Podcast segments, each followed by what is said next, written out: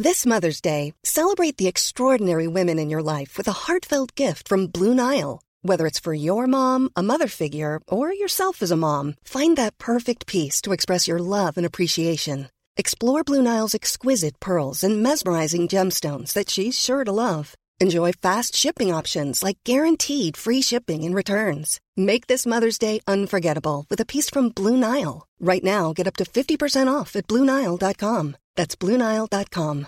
Hey, Dave. Yeah, Randy. Since we founded Bombus, we've always said our socks, underwear, and t shirts are super soft. Any new ideas? Maybe sublimely soft. Or disgustingly cozy? Wait, what? I got it. Bombus. Absurdly comfortable essentials for yourself And for those facing homelessness. because one purchased equals one donated. Wow, did we just write an ad? Yes. Bombas. Big comfort for everyone. Go to bombas.com slash ACAST and use code ACAST for 20% off your first purchase. مرحبا معكم دينا بلوت مقدمة بودكاست كيرنينج كولتشرز وثائقيات صوتية شيقة من الشرق الأوسط وشمال أفريقيا بكل حلقة منتعمق بقصة ما سمعينا من قبل ومنلتقى بشخصيات فريدة من نوعها ومنكتشف سوا لحظات منسية من التاريخ بالموسم الرابع مننتقل بين تونس، المغرب، الصومال، أرمينيا، أفغانستان وفلسطين وغيرها كتير. فيكن تلاقوا Kerning Cultures على أي منصة بودكاست ومننزل حلقة جديدة كل خميس.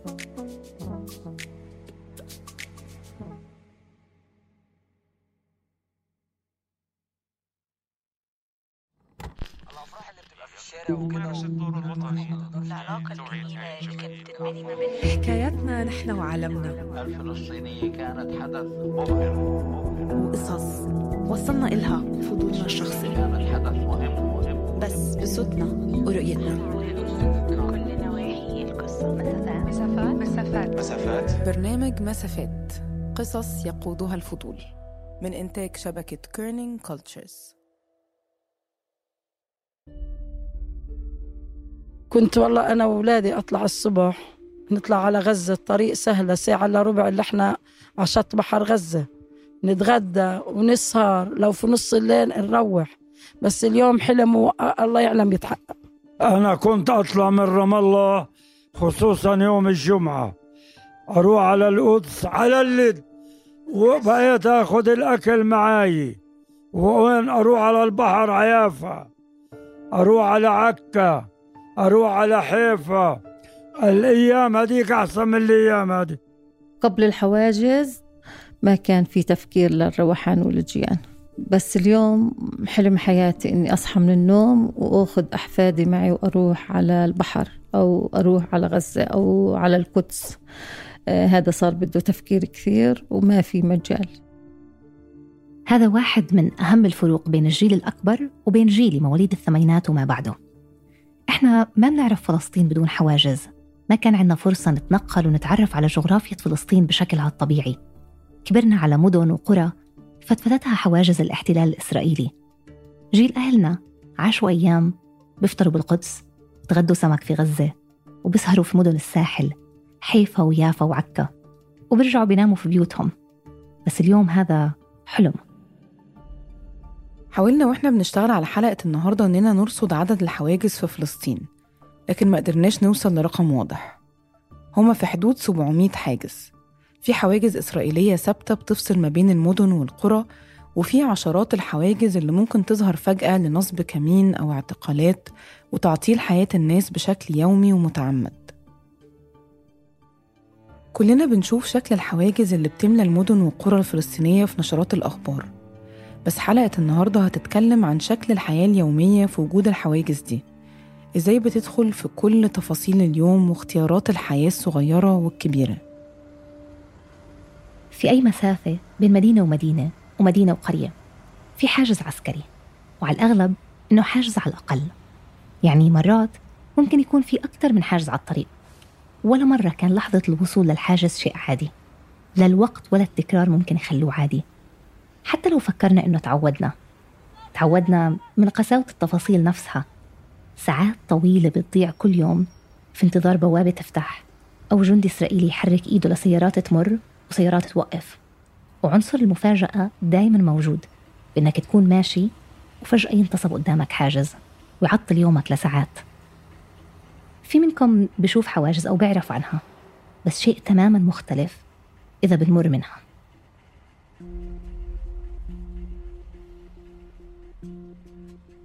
بتذكر من أنا وصغيرة لما نزور بيت ستي بين رام الله وقرية دير الجير. مع إنه المسافة بينهم قريبة 12 كيلومتر يعني 10 دقايق بالسيارة بس طول عمرها بفعل الحواجز بعيدة. وفي ذاكرتي الطريق حلوة خضار وربيع وجبال بس في النص دايما كان في عائق كان في حاجز. عشان نقطع الحاجز كان لازم نصف السيارة ننزل نمشي مسافة ونركب سيارة تانية في الجهة المقابلة. في موقف ما بنساه. كان عمري يمكن عشر سنين. كان يوم العيد. طبعا بهداك الوقت لبسة العيد أغلى وأحلى ما نملك والمشوار لبيت ستي هو العيد.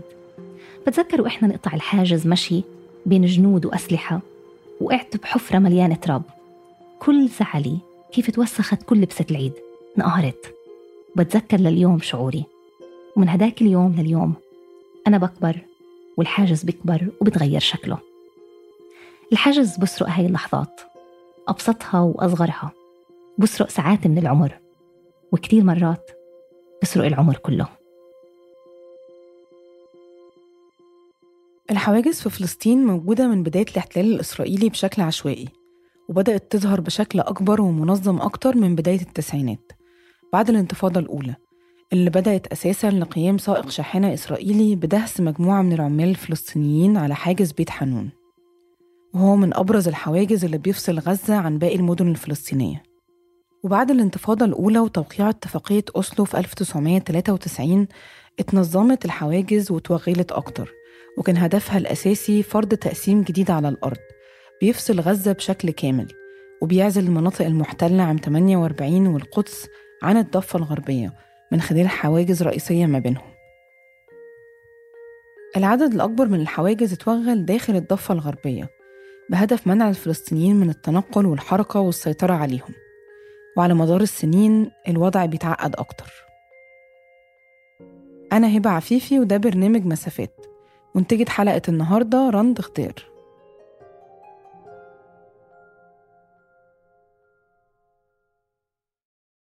الحواجز اقتحمت تفاصيل حياتنا. وصلت باب بيوتنا. تخيل تفتح شباك الغرفة الصبح. تشم هوا تسترخي تتنفس نفس عميق. بس نصائح الصحة النفسية كلها بتنتهي لما يكون أول إشي بدك تشوفه.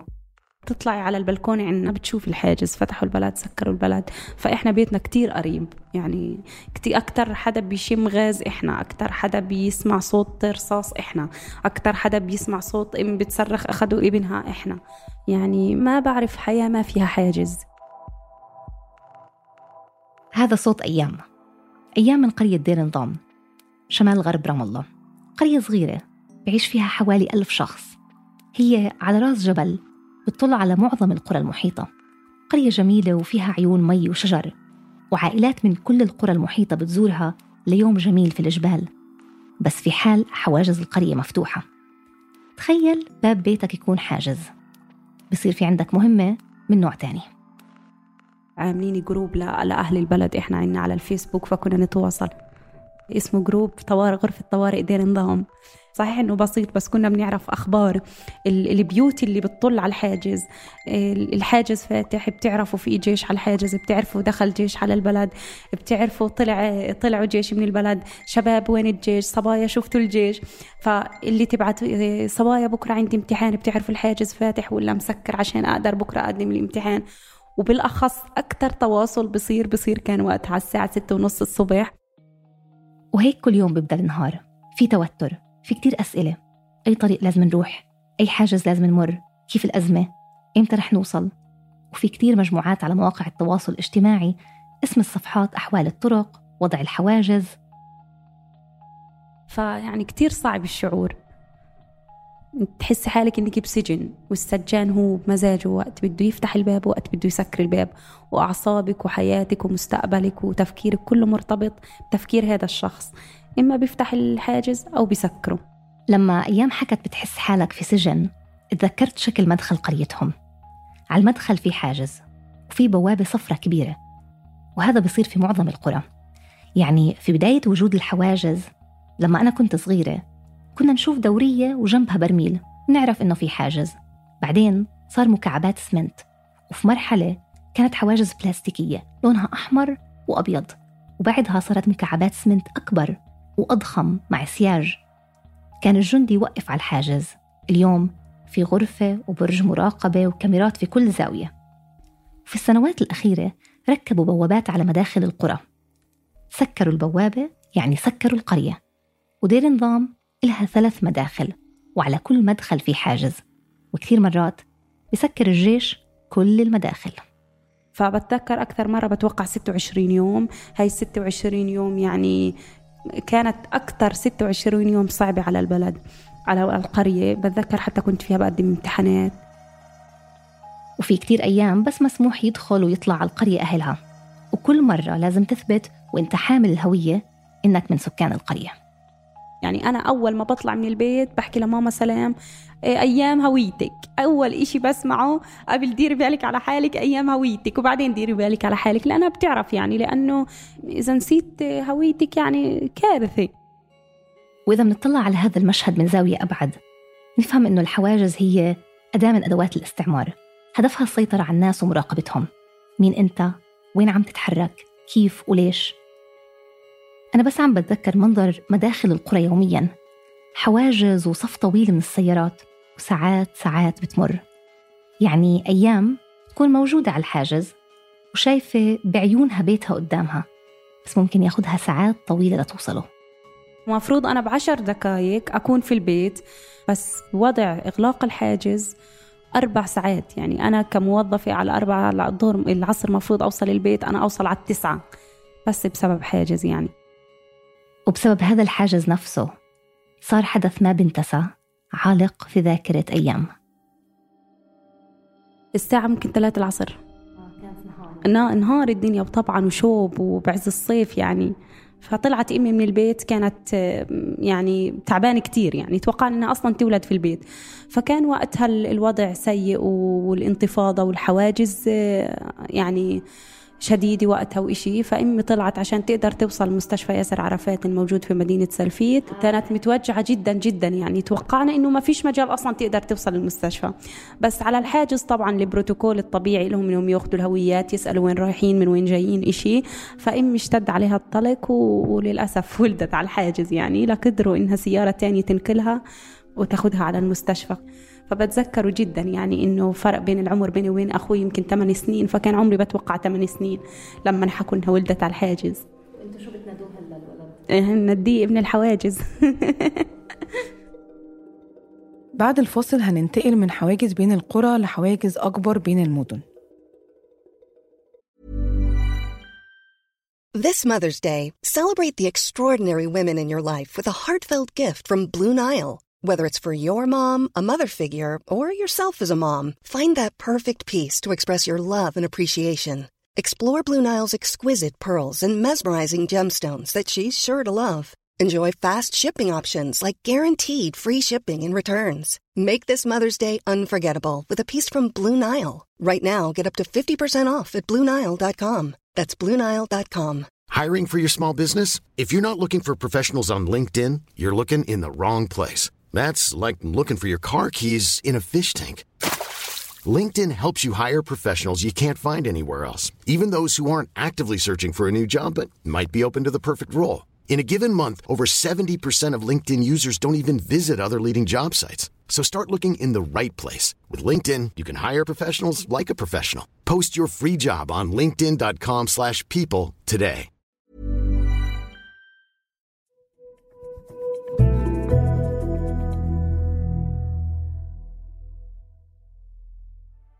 وين ما منلف منسمع قصص. نسمع أصوات ناس بيحكوا قصص. قصص حقيقية وقصص كاملة ومرات قصص مش مكتملة. قصص بتشكل تصورنا عن الحياة والتجارب الإنسانية المختلفة.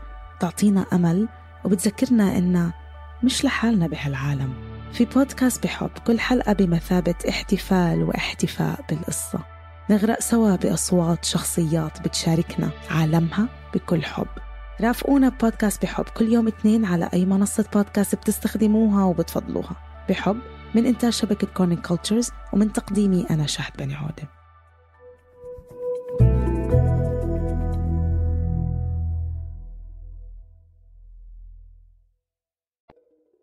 رجعنا. حكينا عن الحواجز بين القرى بس كمان المدن معزولة وفي مداخلها ومحيطها في حواجز مفصلية. من أبرز الحواجز ما بين الضفة وغزة والقدس أربع حواجز سعترة الكونتينر قلنديا وحاجز بيت حنون. ونقدر نقول إنه أطول الحواجز العسكرية هو جدار الفصل العنصري 720 كيلو وبارتفاع 8 متر وبيفصل الضفة الغربية والقدس والأراضي المحتلة عام 48 وخليني أقرب لكم المشهد أكثر. مثلا القدس ورام الله. المسافة بينهم 15 كيلو متر بالسيارة ربع ساعة بالكتير. بس في الوسط في واحد من أكبر وأقدم الحواجز الإسرائيلية حاجز قلنديا. فصل المدينتين بشكل كامل والطريق بينهم وعلى الحاجز صارت طريق عذاب. وعشان نحاول نفهم شكل هالحاجز وكيف بنمر منه التقينا بريم. ريم بتشتغل بين رام الله والقدس من أكثر من 8 سنين. كل يوم بتمر على الحاجز كل يوم عندها قصة أو قصص. كل يوم بيكون لازم تطمن أهلها وأصحابها إنه هيني مرقت الحاجز هيني وصلت الشغل هيني طالعة وهكذا. كل يوم أنا بمرق فيه عن حاجز قلنديا بتخ... عن جد ما ببالغ إنه كل يوم بتخيل إذا أنا بشغل سيارتي وبروح. يا الله الحياة محلاها. زي الحلم أنا اللي بالنسبة لو يتحقق بكون حلم. وبتصير أحلامنا في هاي البلد هالقد بسيطة إنه شغل سيارتك واطلع من هون. كل الحواجز صعبة. كلها تعيسة. بس هذا هذا الحاجز تاريخيا يعني عن جد أذى الناس كتير وتعبهم كتير والكل بيحكي لهمه. حاجز قلنديا أقامته إسرائيل في بداية الانتفاضة الثانية عام 2000 عمليا فصل بين رام الله والقدس بشكل كامل وفي محيط الحاجز تم بناء جدار الفصل العنصري. ومن يومها لليوم يعني من 22 سنة الحاجز موجود وبيكبر. هو آه، صفى جزء من حياتي مش بس جزء من يومي. آه، جزء أنا بحكي لهمه آه، بحسب حسابه بحدد كتير أشياء في حياتي بدي أسويها. بحدد كيف يومي رح يمشي بالأساس. لأنه اللي عرفناه ريم مثلا ما بتقدر تتفق مع أهلها ترجع على البيت بوقت محدد لأنه هي ما بتعرف كيف رح يكون الحاجز يومها. أو مثلا ما بتخطط مشاريع مع أصحابها. دايما بيكون في جوابها أنتوا اتفقوا وأنا بشوف كيف يومي بيمشي حسب وضع الحاجز. وعشان نفهم كيف بيمشي يومها قررنا نمر مع هالحاجز خطوة خطوة. المفروض إني أقدر أشغل سيارتي من داري. من هناك المفروض أضل ماشية لمكان عملي اللي هو في قلب القدس فعليا بربع ساعة. بالحياة هلأ الأمر الواقع اللي إحنا عايشينه أنا لازم أخلي سيارتي صافة أخد أول مواصلة أنزل على قلنديا الحاجز. في عندك أزمة قبلها أزمة سيارات قبلها عقيمة هذه ما بتتغير. يعني مش أزمة طبيعية مش مسببها طبيعي مسببها حاجز. توصل هناك تقطع الحاجز تركب كمان مواصلة تمام؟ وبعدين أنا بدي أوصل على مكان عملي. بهاي الحالة بطلت ربع ساعة. ممكن تكون ساعة ساعة ونص ساعتين ساعتين ونص ما بعرف. بعرفش أنا قديش الوقت اللي ممكن ياخدني عشان أوصل. فعشان هيك هو بحدد إشي كتير كبير في حياتي. وإشي أساسي إنه الفلسطينيين كلنا بدون استثناء ممنوع نمر من كتير حواجز. مثلا اللي بيعيشوا في الضفة الغربية ممنوع يمروا عن حاجز قلنديا. إلا في حال بتقدم للحصول على تصريح بيصدر الاحتلال طبعا لأعداد معينة وفي حالات معينة. وفي قائمة قصيرة لأسباب الحصول على التصريح منها تصريح عمل أو علاج. في حالة ريم معها تصريح عمل وحتى الحصول عليه في تعقيدات بشمل فترة وساعات محددة للدخول وللخروج. والمرور مش ممكن يكون بسيارة المرور سيرا على الأقدام لأنه في مراحل تفتيش مختلفة. نوصل الحاجز. بنروح على المشاة. أول إشي بتلاقيه هي قاعة خارجية كبيرة. هذه القاعة فيها ثلاث مداخل كبار. على كل مدخل في إشارة مرور تضوي يا إما أحمر يا إما أخضر. يعني زي بالضبط زي المتاهة بضلك تمشي هيك عم توصل الباب. توصل الباب الباب مش باب طبيعي طبعا. الباب هو عبارة عن إشي إحنا بنسميه معاطة. المعاطة اللي هو رح أضل أحكي عنها معاطة اللي هي عبارة عن باب حديدي دائري. كيف الباب اللي بندخل فيه بالأوتيلات الكبير كتير بكون بلف دائرة؟ بس هو باب صغير بوسع لشخص واحد من حديد معمول من زي اسطوانات حديد متفرغة يعني فأنت بتشوف منها. هذا الباب مثل ما حكت ريم على الأغلب استخدمتوه لما دخلتوا حدائق فنادق مسابح. هو بوابة حديد دائرية مثل الدولاب. تفصلها قواطع واللي على مدى ارتفاعها في اسطوانات حديد. هذا الباب موجود على معظم الحواجز الإسرائيلية. وإحنا فلسطينيا بنسميه متعارف عليه المعاطة. المعاطة وبعذر عن الوصف مسبقا بس هي أداة بتستخدم لفصل ريش الدجاج عن بقية الجسد. وللتشبيه في دلالة. ريم وهي بتوصفه حكت نقطة مهمة إنه موجود على الحواجز بس بتحسه أصغر. وخليني أحكي لكم ليش.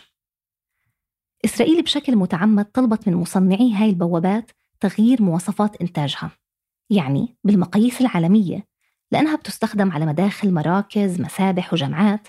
مقياس عمق المساحة المعتمدة في العالم 90 سنتيمتر. يعني بتوقف وبتمر من الباب براحتك. لكن إسرائيل طلبت تصميمها لاستخدامها على الحواجز الإسرائيلية ومساحتها 55 سنتيمتر. يعني تقريبا النص.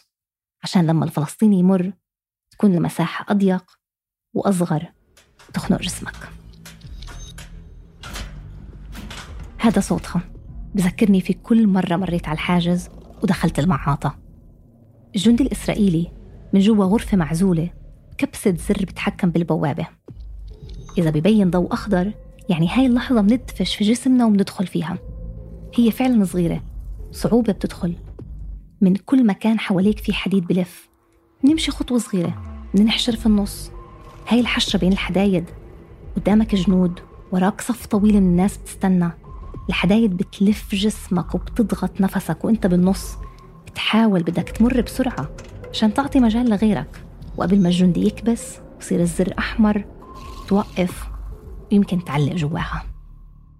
في مرة أنا واقفة عند عند المعاطة اللي بدها تدخلني على التفتيش فأنا عيني عين الجندي بالضبط الجندية بالضبط. وقامت وصارت ترقص مع صديقها المجند. طب هي بترقص يعني؟ وإحنا ناس واقفين برا بنستنى نمرق. إحنا ناس واقفين نستناكي تفتحي لنا الباب. قامت ترقص مع صديقها.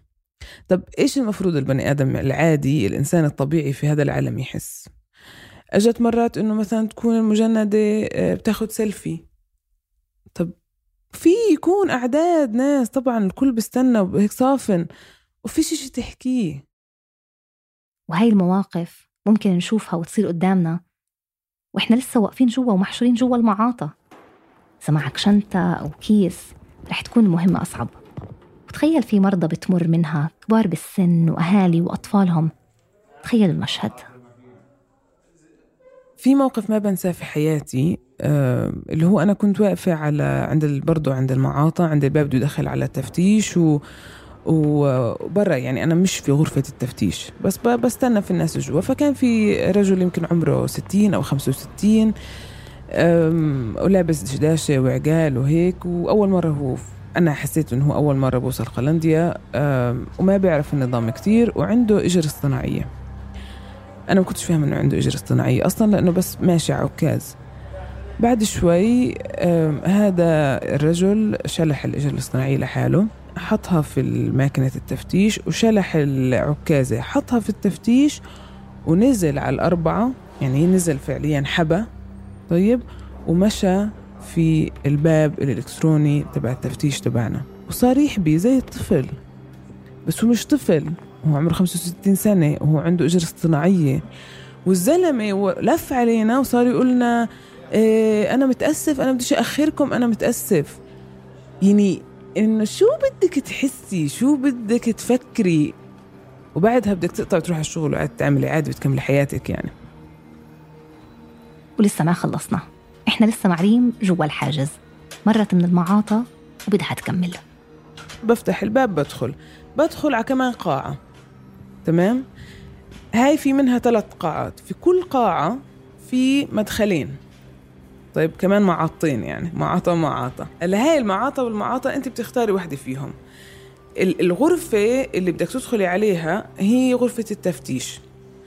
فالجندي واقف في التفتيش. هلأ هو في له غرفة عشان يقدر يفتح ويسكر الابواب وعشان يراقبك أنت إذا حطيت كل اغراضك هنا يعني مهم كثير نحكي إنه الجندي أو الجندية اللي بيكونوا موجودين أعمارهم تتراوح بين 18 16 20 كبير هاي يعني مش أكثر فهم التغيير الكبير اللي صار يعني في قلنديا زمان وقلنديا هلا اللي هو إنه أنت صار في بوابات إلكترونية أو بسموها سمارت جيتس بمعنى إنه إحنا في بطاقة بعطوها للفلسطينيه اسمها البطاقة الممغنطة آه، اللي هي بتحكي أو هي بتفرجي إذا عندك تصريح أو لا. إذا هاي البطاقة آه، يعني صالحة واذا بتفرجي إنه أنت معك تصريح بتحطها على البوابة الإلكترونية وبتمشي. عن البوابات الإلكترونية. الاحتلال بحاول يقول للعالم أو للمؤسسات الدولية العامله في فلسطين بأنه في محاولات للتخفيف أو لتحسين الحاجز. طبعا بالظاهر من خلال تحسين الشكل وتطويره لكن بالأساس هو تطوير آلية تقييد الناس جمع معلومات أكثر وسيطرة ومراقبة إلكترونية أدق. فاليوم للمرور على معظم الحواجز الأساسية أنت بحاجة لبطاقة ممغنطة. بيصدرها الجانب الإسرائيلي للمواطن الفلسطيني بعد أخذ البصمات وصور شخصية ومجموعة معلومات. بالتالي هو بطور شبكة لجمع المعلومات عن تحركاتنا وكل تفاصيل يومنا. فوق ما إنه الواحد بده يمرق كل هذا كان بدك تفكر شو بدك تلبسي؟ فكري شو بدك آه، تحطي حلاق؟ فكري أنو بوت ألبس؟ عشان أنا كنت بدي أضمن إني أنا ما بدي أرن لأنه أي إشي برن أنا بدي أشلحه. يعني بوتي آه، رن بدي أشلحه. يمكن مش بوتي يمكن آه، سنسالي مثلا بس أنا مش راح أميز. فبدي أشلح كل شيء فعليا. بدي أشلح الجاكيت والبوت والحلق والسنسال عبين ما أمرق. بفهم قصة ريم وهي بتحكي عن تفاصيل بتمر فيها كل يوم. واحدة من الأشياء المستفزة. الإسرائيلية بحطوا لافتات في آخر الحاجز مكتوب عليها نتمنى لك يوما سعيدا. أو حافظ على نظافة المكان ليبقى المكان نظيفا وجميلا.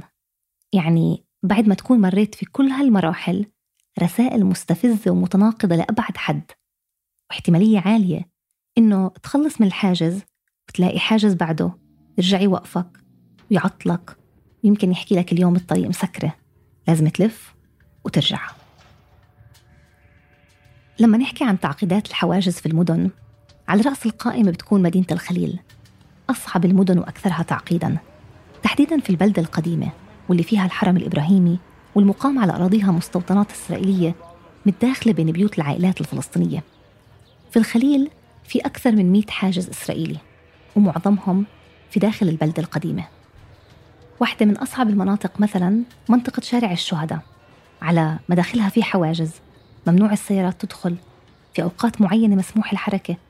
أجبروا المحلات التجارية تسكر من سنين واللي كانت تروح البلدة القديمة. من شارع الشهداء نوصل لحي تل رميدة مدخله فيه كمان حواجز. كثير من العائلات نتيجة التضييق اضطرت تسكن في مكان تاني. ولفترة كان في سياسة الأرقام.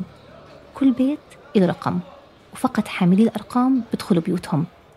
وعشان نعرف أكثر التقينا بعماد أحد سكان الحي. أنا في عندي ثلاث حواجز. عندي الحاجز هذا أول ما أدخل بيتي بنسميه حاجز شارع الشهداء. بعد هذا الحاجز آه، بيصادفني كمان حاجز قبل ما أصل بيتي. وطبعا عليه كاميرات. وأيضا يوجد توجد نقطة عسكرية فوق منزلي. يمكن أي ضيف بيجي علي هذاك الحاجز بتم إيقاف بتم توقيف الشخص. بمنعوا الجندي إنه ينزل على بيتي. مرة من المرات اجى نسيبي وأبوه علي فدخل نسيبي اللي هو وأبوه خلوه على الحاجز. فهو صار يطلع فاتصل علي قال لي أنا محجوز على الحاجز. فبدنا نستنى قرار آه، الجيش يعني إما بيعتقلك أو إما بقول لك ارجع. فلليوم هي لها بنتي ست سنوات متزوجة. لليوم بيجيش علي أبوه. بقول لي أنا ولا يمكن أدخل عندكم. ثلاث حواجز ذكرها عماد هي في محيط بيته. يوميا السكان محتاجين يمروا منها. طبعا هذا بترتب عليه تفاصيل مثل إمتى وكيف يمروا ومع مين يمروا. إذا أنا ربيت وبشتغل بقدرش أتأخر بالليل. يعني دائما يعني مع ميعاد المغرب بكون في البيت. كل إشي بده حسابات. يعني آه، الصبحيات بدك تقوم الساعة 8 تتحرك تنزل من بيتك تروح على وظيفتك. بحاول دائما وباستمرار إنه ما أطلع من البيت يكون في حركة بالشارع. إذا ما كانش في حركة بستنى أي حدا كمان نازل عشان أنزل أنا وياه خوفا من اعتداء الجيش أو المستوطنين. آه، بتطلع آه، خارج الحاجز بتقضي أعمالك شغلك. دائما بعمل حسابي إني أدخل البيت والدنيا فضا يعني قبل ما تعتم. نفس الشيء زوجتي نفس الشيء الشيء أولادي. بيجوا في النهار وبروحوا في النهار. صدقا أنا لما أدخل الحاجز وأنا بدخل بقول أشهد أن لا إله إلا الله أشهد أن محمد رسول الله. آه، أنا بتوقع في أي يوم في أي لحظة يتم الإطلاق علي. ابني عوني مثلا كان عمره من عمره 11 سنه لعمره لعمره 14 سنة سجن ست مرات. وأطلق واطلقوا عليه النار مرتين. أصيب برجليه تنتين بالرجل اليمنى والرجل اليسرى. وأعتقل واعتدي عليه بالضرب أكثر من 18 مرة. كان بيحكي لنا إنه الحياة معتمدة ومبنية على فزعة الناس اللي بتساعد بعض لأنه احتياجات أساسية مثل سيارة إسعاف أو إطفائية بمنحهم الاحتلال يمروا من الحاجز. بهاي الحالة إذا شخص احتاج إسعاف أولي أو صار في حريق فلازم أهل المنطقة هم يتحركوا. بس أحيانا الظرف بيكون أصعب والوقت عامل مهم. في حالة يعني آه، حصل عنده جلطة قلبية وإحنا حملناه على إيدينا عشان نطلع الحاجز. كان في مواجهات خارج الحاجز. الجيش منعنا حوالي عشر دقايق وإحنا واقفين وهو شايف إنه الشخص بنازع يعني هو بموت قاعد فعليا. وبعدنا ولما سمح سمح لنا نطلع أطلق علينا وابل من قنابل الغاز مما أدى إلى استشهاده قبل وصولنا إلى المستشفى. إحنا بنسميها حواجز الموت. لليوم إحنا بنسميها حاجة حواجز الموت. في أي لحظة بيطلق عليك الإسرائيلي الجندي النار. عليك أو على طفلك أو على جارك أو على جارتك ما بتعرف مين اللي يعني بده يموت هذاك اليوم. وبهيك ظروف حتى أصغر التفاصيل وأبسطها ممنوعة وتفاصيل بديهية في حياتنا اليومية بتكون ضمن قائمة الممنوعات. قائمة الممنوعات لا تنتهي على الحواجز الإسرائيلية. يعني أحيانا بيمنعونا ندخل جرة الغاز ممنوع تدخل أنت الغاز بدك قرار من الضابط تستنى القرار. يمكن يجي القرار بعد ساعتين يمكن يجي بعد يومين. السكاكين لليوم ممنوعة. أنو فينا مسترجي يدخل على بيته سكينة. حتى لو محطوطة في باكيتها ومكبوس عليها. ممنوع. بالموجودين عندنا في البيت إحنا مسلكين حالنا. إذا بدي آخذ دجاج أو لحمة بخليه بقطعهم برا. ما بخليهم يدخلوا على جوا إلا بكونوا مقطعات لأنه أنا ما عندي سكينة ضخمة أو ماضية بشكل كبير إنها تقطع اللحمة أو السكين أو أو الدجاج. وبالتالي بالسكاكين الموجودة بالمطبخ. وهيك هي الحواجز. بين مكعبات الاسمنت وجنود مجهزين بأسلحة ومعدات بحرمونا من تفاصيل صغيرة من أي يوم ممكن يكون يوم عادي من أغراض ممكن تشتريها وتمشي لبيتك بشكل طبيعي من زيارة أصحاب أو عيلة ممكن تكون زيارة عابرة بتصير هدف وبدها تخطيط وساعات طويلة. كل حدا فينا عنده قصة قصص مع الحاجز. بس اللي دايما بفاجئني كيف ردات فعلنا بتكون حتى والحاجز موجود. مرة كان عندنا عرض بالقدس مع مؤسسة يعني موسيقية ونغني هيك فرقة لوردة. وأنه كانت الفرصة كتير حلوة أنه أنا أروح أغني بالقدس. هذه حنة من مدينة جنين. وحنة إذا بتشوفها مرة ما بتنساها خاصة إذا سمعت صوتها الجميل.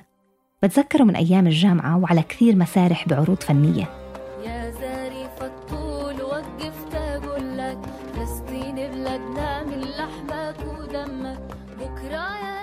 وحنا مثلها مثل بقية الفلسطينية.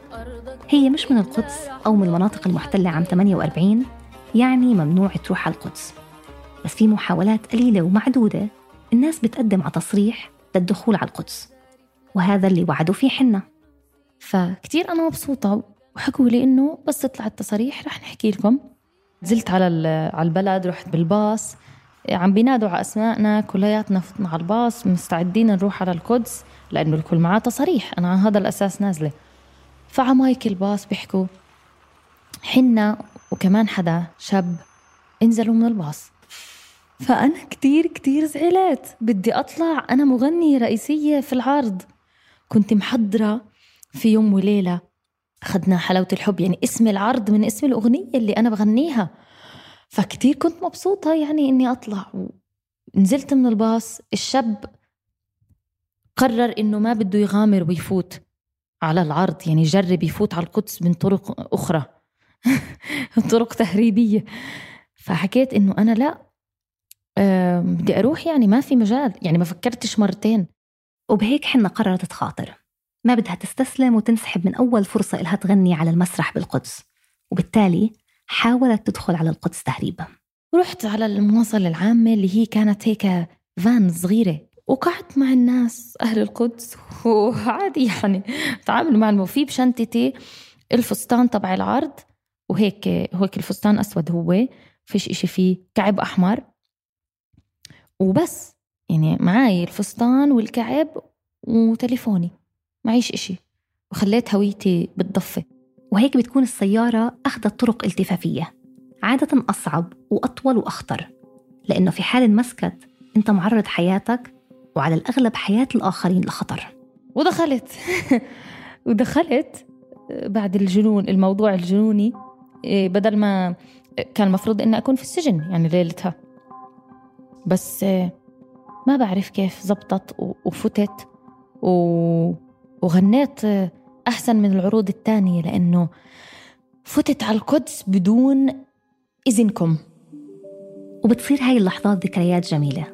وبتقضي يوم من العمر ما بنتسى إنه الناس تمر على الحواجز بدون تصريح. آه تهريب. بس إذا مسكت عواقبها وخيمة. من دفع مبالغ مالية كبيرة لاعتقال سنوات وسحب هوية. بس المجازفة بتكون عشان تزور القدس أو مدن الساحل والبحر. وإذا زبطت بالصدفة ومرت السيارة بدون ما يوقفها الجندي على الحاجز بعدها كلنا بنعرف هاي اللحظة. رح تفتح شباك السيارة. وتشم هوا مع أعرض ابتسامة وسعادة إنك مريت. بس هذا استثناء. الحقيقة إنه تمر على الحاجز يعني إنك تكون شاهد على مواقف تحفر في ذاكرتك للأبد. قبل ثلاث سنين يعني بجوز كان عمري 25 26 مش متذكرة بالضبط. بتذكر إنه يوم عادي جدا من الأيام اللي أنا كنت بتنقل فيها بين بين جنين ورام الله. بسمع أغاني طول الطريق. وبحب خصوصا على الحواجز كمان. أكون أسمع صباح فخري وأعلي هيك وأسلطن. عشان أنا عن جد بسمع أغاني على الطريق بس كمان بحب على الحاجز أخليه هيك عالي وأغني معاه وأذكر حالي إنه رح أضل أسمع ورح أضل في السيارة خلاص ما رح أخاف. رغم إنه كتير مرات بقرروا إنهم يحطوا سلاح بوجهك. وهذا إشي كتير أنا بوترني شخصيا مش عارفة أتعود عليه رغم إنه تعودت على المسافات تعودت على مشاكل الحواجز. بس موضوع إنها السلاح يكون في وجهك من مسافة بعيدة كتير بيوتر. وحنا كانت في هاي اللحظة بتمر عن حاجز زعترة وهو حاجز ثابت مقام على أراضي قرية ياسوف وقرية زعترة. وفي محيط الحاجز في مستوطنات إسرائيلية. فبتذكر إنه إحنا متخرف. يعني عادي زي الأيام العادية. وفجأة بنطلع بنلاقي مرة لابسة لبس تقليدي زي زي نساء بلادنا يعني. وكيف كأنها مترددة يعني كيف كأنها ضايعة. مش كأنه حدا مش عارف وين هو. مبين من المشي إنها هي مش عارفة وين هي. وبتطلع بدها مساعدة أو تسأل حدا. فهي شكلها أول مرة بتيجي على المنطقة أساسا يعني. ف بدل ما توقف عند الفلسطينية عم بتقرب على المكان اللي فيه الجنود. ومعهاش إشي ومش مش حاملة إشي يعني ف بلحظة بلحظة ممكن تنتهي حياتك بلحظة. يعني هيك إنه أول مرة أنا بشوف تجربة إنه حدا ينطخ. فجأة أنا إحنا سمعنا الصوت الطلقة وبتذكر إنها أجت في إجريها يعني بمنطقة إجريها ووقعت على الأرض. وأنا كتير تأثرت يعني إنه صرت آه، أحكي بصوت عالي طب إيش ممكن نعمل؟ آه، مشان الله يعني مرعب يعني ويا رب ما يصير فيها إشي. رجعنا لوسائل الإعلام المحلية لليوم والتاريخ 7 1 2019 وكان في أخبار وبين الأسطر الاحتلال أطلق النار باتجاه سيدة على حاجز زعترة ومن ثم تم إغلاق الحاجز ومنعت سيارة الإسعاف من الوصول. وتاني يوم بتذكر إني رجعت وكانت المنطقة فل نظيفة ولا أثر للعملية. وعرفت تاني يوم إنها توفت. ماتت لأنه ما ردوا الإسعاف يجولها بدون أي سبب. يعني بدون أي سبب. 8 1 2019 استشهدت وبحثنا لنعرف هويتها وهي علياء الخصيب وعمرها 40 سنة من مدينة طول كرم آه آه آه هي أم كبيرة ست كبيرة وعندها أولاد شباب وعندها آه، بجوز أحفاد يعني. ولاحقا عرفنا إنها هي فعلا آه، امرأة بسيطة. بسيطة ما كانتش عارفة وين هي ببساطة. بكل بساطة. فأنا أول مرة كنت بشوف حدا آه، بنطخ قدامي ورغم كل ذكريات الطخ اللي أنا سامعتها أنا ولا مرة شفت حدا. أنا. أنا نشف ريقي بدي أجيب مي. بتحسوا نشف ريقنا كلنا. فقدنا كتير ناس على الحواجز لحظة واحدة الزمن بيوقف على الحاجز الجسم بسقط على الأرض والروح بتطلع. وشهود عيان على الحاجز بتمر. أطفال كبار شباب وبنات بعمر الورد. شاب قبل عرسه بيوم صحفية بتغطي حدث عامل مروح من شغله طالبة بالطريق للمدرسة وللجامعة. كان ممكن أقابل كل فلسطيني بمر عن الحاجز في هاي الحلقة. كل شخص عنده قصة. بطلع مرات في التجاعيد في وجوه الناس.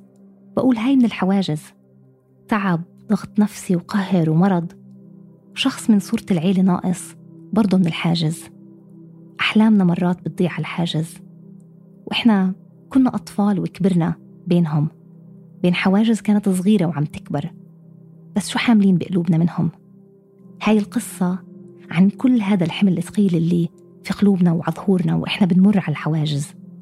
ليجي هذا اليوم ونحكي هون كان في حاجز. تذكر مرة صار مشهد مش دائما بنشوف دائما بنشوف كليشيهات بالأفلام. تعرفيها هاي في لقطات هيك بتكون مبتذلة. آه تتكرر صار معي موقف بس صار على الواقع. يعني لو حدا حكى لي إياه في سيناريو بقول له خلص ابتذال يعني. لو كاتبه سيناريو بحكي له مبتذل أكيد بس صارت معي. كنت عايفة حالي من الطرق ومروحة من رام الله. وزهقانة من كتر ما استنيت.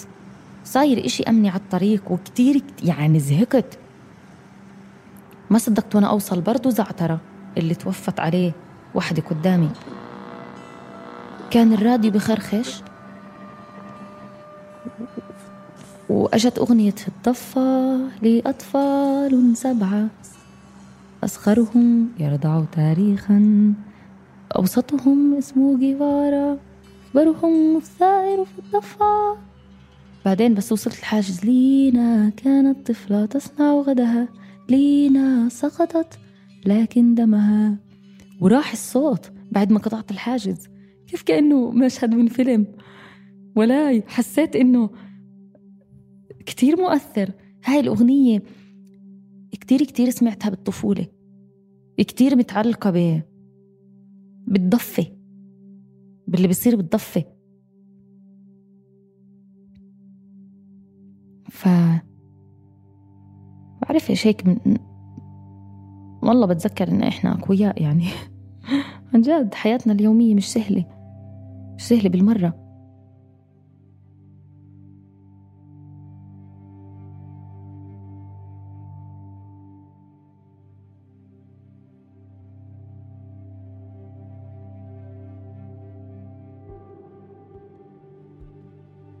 حلقة النهاردة من إنتاج رند خطير تحريري أنا هبة عفيفي.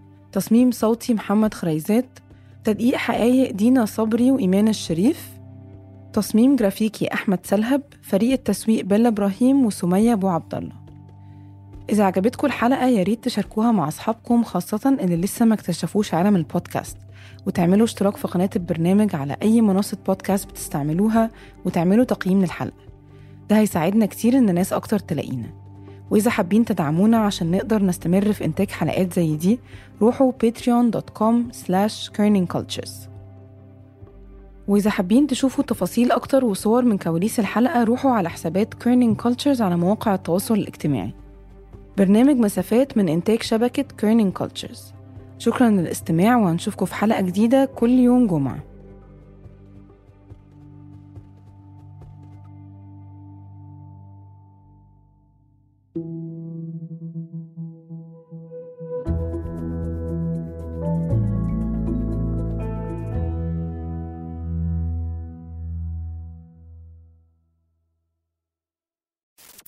بحبكم قد ما في زيت في الزيتون.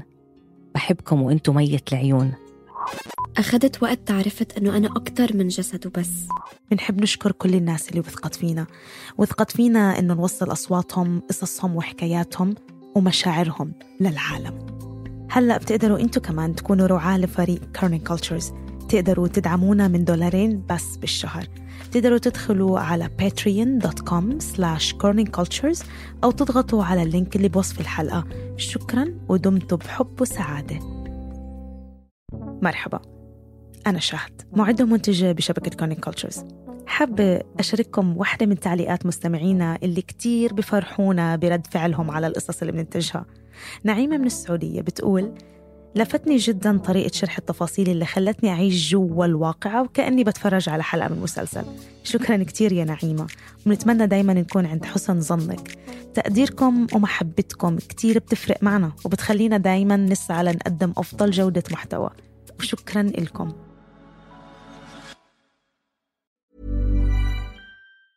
Even when we're on a budget, we still deserve nice things.